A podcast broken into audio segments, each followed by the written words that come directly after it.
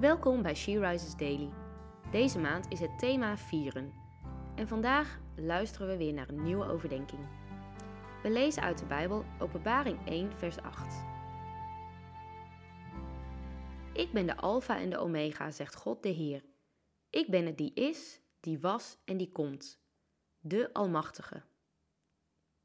Op de laatste dag van 2022 kijken we terug op het afgelopen jaar. Er is veel gebeurd. Er is veel veranderd. Soms besef je eigenlijk niet dat dit allemaal in één jaar is gebeurd.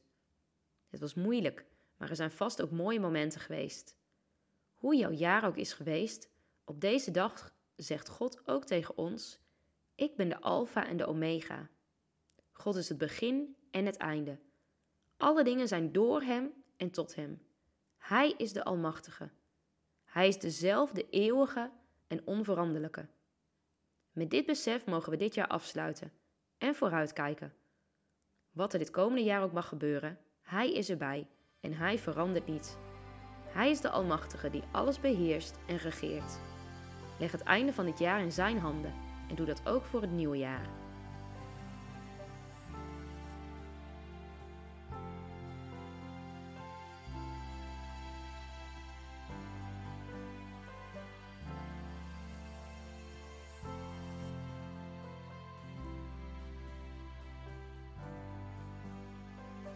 Laten we samen bidden.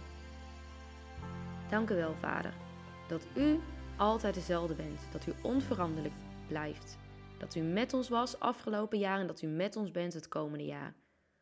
Dank u, Vader, voor uw zegen uit nummer 6, vers 24.